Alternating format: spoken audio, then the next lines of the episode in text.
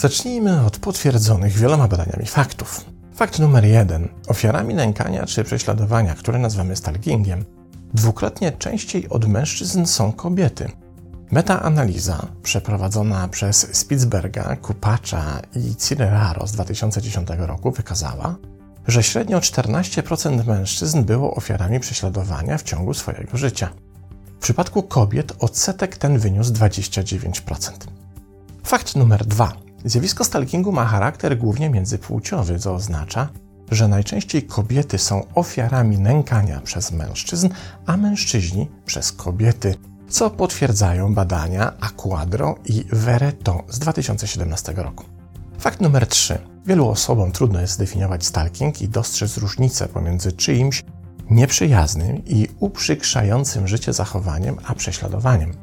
To pierwsze po prostu traktujemy jako przejaw pewnej życiowej niedogodności, podczas gdy to drugie w wielu krajach stanowi przestępstwo i jest ścigane prawnie. W Polsce taka regulacja prawna weszła w życie 6 czerwca 2011 roku, wprowadzając sankcje karą pozbawienia wolności od 6 miesięcy do 8 lat. Jednak do każdego z wymienionych przed chwilą faktów trzeba dodać pewne ale. A zatem, tak, kobiety są dwukrotnie częściej ofiarami stalkingu niż mężczyźni, ale wiemy to wyłącznie z przypadków zgłoszonych policji. Istnieją jeszcze przypadki stalkingu, których nikt nigdy nie zgłasza, a w nich procent nękanych mężczyzn, zdaniem badaczy, jest dużo wyższy. Fakt drugi. I owszem, zazwyczaj stalking jest międzypłciowy, co również wiemy wyłącznie ze zgłaszanych przypadków, ale jego międzypłciowość nie dotyczy tylko i wyłącznie, jak można by się zasugerować, relacji pomiędzy kobietą i mężczyzną w kontekście związku, małżeństwa, bycia bieżącą czy byłą parą itd. Tak Stalking ma również charakter relacji zawodowych, rodzinnych, które nie przebiegają w konfiguracji związkowej. Fakt numer 3. Tutaj rozpiętość tego, co badacze oraz prawo uznaje za stalking, jest tak duża, że tak naprawdę byłoby łatwiej i szybciej wymienić te aktywności zachodzące w naszych najprzeróżniejszych relacjach, które nękaniem nie są, niż całą resztę pozostałych. Dlatego pokażmy to, co może być nieoczywiste na przykładach. Najpierw zajrzymy do pewnej dużej instytucji kultury zarządzanej przez przedsiębiorczą panią prezes, w której to instytucji od lat zabiega o awans pewien młody, nieśmiały specjalista Tomek. Przychodzi wreszcie decydujący moment, w którym ma być prezentacja dokonań Tomka przed zacnym gremium profesorów, którzy specjalnie pojawią się na zajutrz w obiekcie, by zapoznać się z przygotowaną przez Tomka prezentacją i wykładem, od efektów których uzależniają jego awans, a więc dalszą karierę, podwyżkę i status zawodowy. Niestety sala konferencyjna jest w remoncie, więc pani prezes sugeruje Tomkowi, by prezentacja odbyła się w jej gabinecie.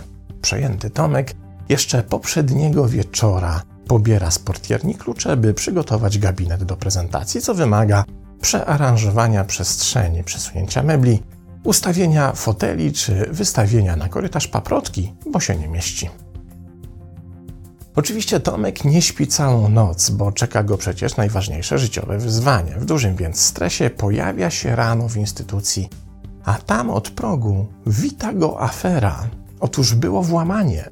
Pani prezes biega roztrzęsiona i krzyczy, że okradziono jej gabinet. Przyszła rano, jak mówi, zastała poligon.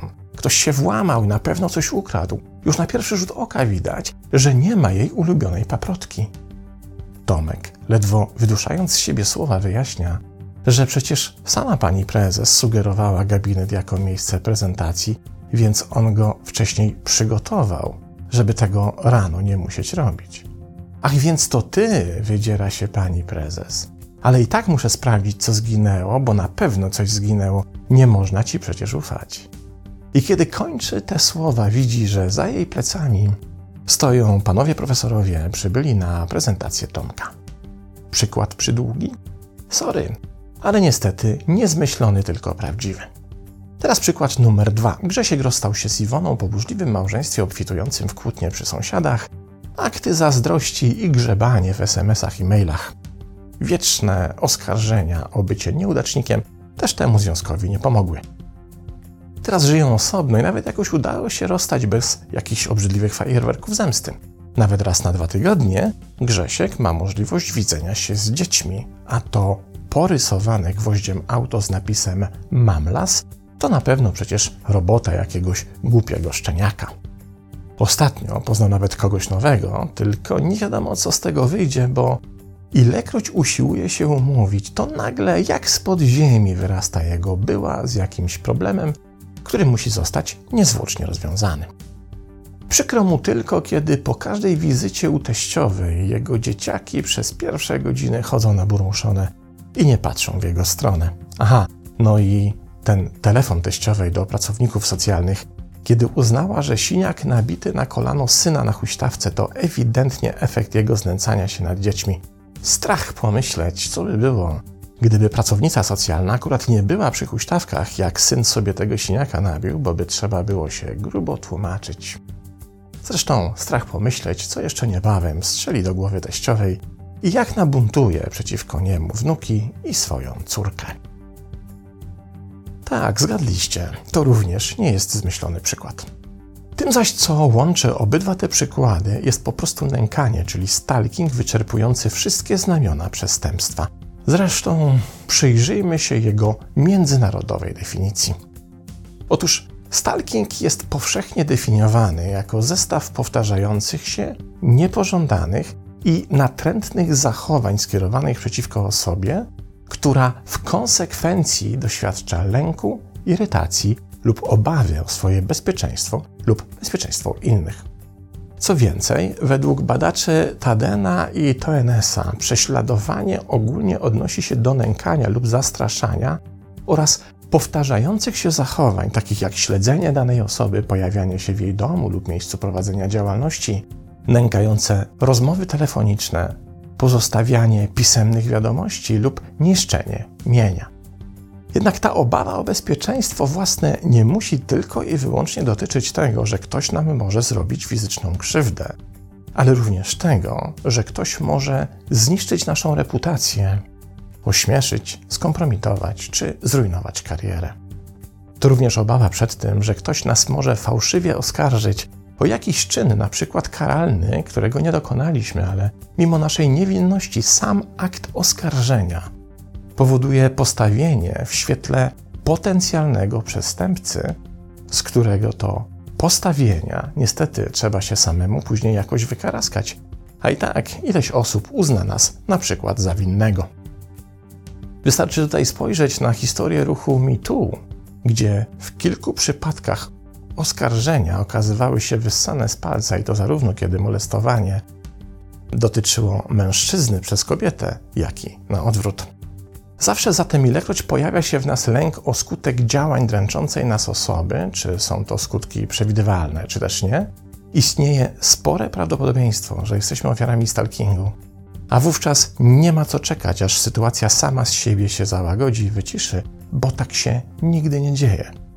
Problemem zaś z nękaniem jest to, że tym większe spustoszenie w nas czyni, im dłużej trwa. I tutaj niestety okazuje się, że prześladowanie mężczyzn potrafi trwać znacznie dłużej. W wynikach badań przeprowadzonych w trzech miastach północno-zachodnich Włoszech z 2019 roku a opublikowanych w 2020 roku czytamy, że przeciętnie prześladowanie mężczyzn trwało 2 lata i 5 miesięcy, zanim ofiara zwróciła się do policji, zaś prześladowanie kobiet trwało średnio półtorej roku. Przy czym mężczyźni doświadczali kontaktu ze swoim prześladowcą średnio raz w tygodniu, a kobiety średnio raz dziennie. Mężczyźni dużo częściej jednak jako ofiary kobiet doświadczali aktów wandalizmu, przykład niszczenia ich mienia, uporczywego śledzenia i poszukiwania informacji oraz szerzenia kłamstw na swój temat niż kobiety będące ofiarami prześladowań mężczyzn. Natomiast kobiety w takiej sytuacji dużo częściej od mężczyzn doświadczały gruźb i aktów zastraszania. Mężczyźni w przeciwieństwie zaś do kobiet byli bardziej skłonni do podejmowania dyskusji z prześladowcą, argumentowania. Za to kobiety dużo częściej w sytuacji ofiar zbierały dowody swoich prześladowań i opracowywały plan wyjścia z sytuacji. I to kobiety oczywiście dużo częściej zwracają się o pomoc niż mężczyźni, którzy wolą się nie przyznawać do bycia ofiarą w obawie przed posądzeniem o słabość, co oczywiście jest z premedytacją wykorzystywane przez prześladujące ich kobiety. Co więcej, istnieje też spora różnica w strategii mężczyzn i kobiet wobec stalkerów. Kiedy w przypadku mężczyzn ich prześladowcą jest była partnerka, mężczyźni nie tylko rzadziej zgłaszają się o pomoc, przykład do policji, ale też dużo rzadziej niż kobiety są gotowi przyznać, że w trakcie toksycznego związku doświadczali przemocy emocjonalnej lub fizycznej.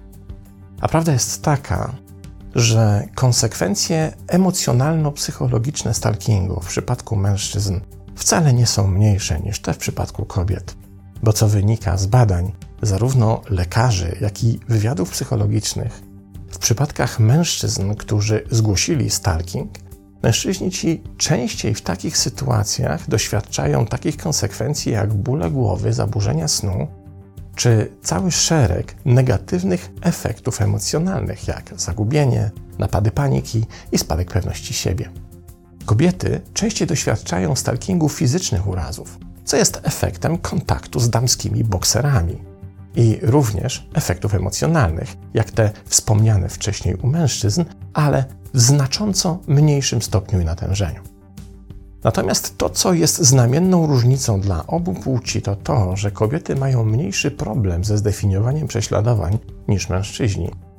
To, co w przypadku kobiet było dla nich jasną i precyzyjną oznaką prześladowania, mężczyźni za takowe nie uznawali, często tłumacząc na przykład takie zachowania u byłych partnerek zazdrością, brakiem humoru czy efektem własnej winy pod postacią własnych zachowań, które mogły sprowokować prześladowcę. W myśl tej idei Tomek wyjaśni to, co się stało w następujący sposób. No tak, sprowokowałem panią prezes, bo byłem już zbyt pewny siebie i sukcesu i musiała mi jakoś pokazać, gdzie moje miejsce.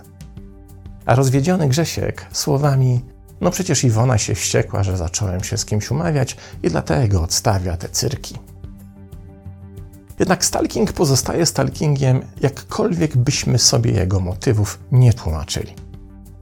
I czerwona ostrzegawcza lampa w głowie kobiet, ofiar, zapala się dużo wcześniej niż w głowach mężczyzn w tej samej sytuacji. Nadmiar złego, wdruk kulturowy powoduje, że mężczyźni nie chcą się często przyznać do bycia ofiarą, szczególnie jeśli prześladowcą jest kobieta, bo to przecież byłoby dla nich jednoznaczne z okazaniem słabości. Zaś najgorsze jest to, że nie tylko nie chcą się do tego przyznać przed światem, ale przede wszystkim przed samymi sobą. A problem istnieje. Badania nie pozostawiają złudzeń. Co siódmy mężczyzna jest ofiarą prześladowań i to zazwyczaj ze strony kobiety. Jeśli dodamy do tego tak wielką różnicę w ilości zgłoszeń, to te dane mogą być w rzeczywistości dużo wyższe. Jakie jest zatem rozwiązanie tego problemu i czy w ogóle istnieje? Tego do końca nie wiadomo, ale jedno jest pewne. Istnieje prosty i niezawodny sposób na detekcję tego, z czym mężczyźni mają dużo większy problem niż kobiety, czyli zorientowania się, że jest się ofiarą stalkingu. Tym sposobem zaś jest uwrażliwienie się na swój własny strach, jeśli więc pojawia się w tobie lęk i dotyczy to obu płci, strach, którego źródłem jest kontakt z inną osobą, w efekcie którego obawiasz się o swoje bezpieczeństwo, reputację, spokój czy cokolwiek innego, to jest to najszybszy wskaźnik, by wyzwolić się spod opresji stalkera. A często niestety jedynym sposobem jest zgłoszenie jego działalności i dochodzenie swoich praw. Tak, wiem co teraz niektórzy krzyczą. Przecież policjant mnie wyśmieje, o ile w ogóle zajarzy, w czym problem. Okej, okay, rozumiem tę obawę, ale z drugiej strony ciągłe uchylanie się przed zgłaszaniem problemu niczego nie zmieni. Kiedy zaś zaczniemy zgłaszać te zachowania innych wobec nas, które wyczerpują definicję stalkingu, to prędzej czy później nawet najbardziej beztroskiemu policjantowi przestanie być do śmiechu. Pozdrawiam.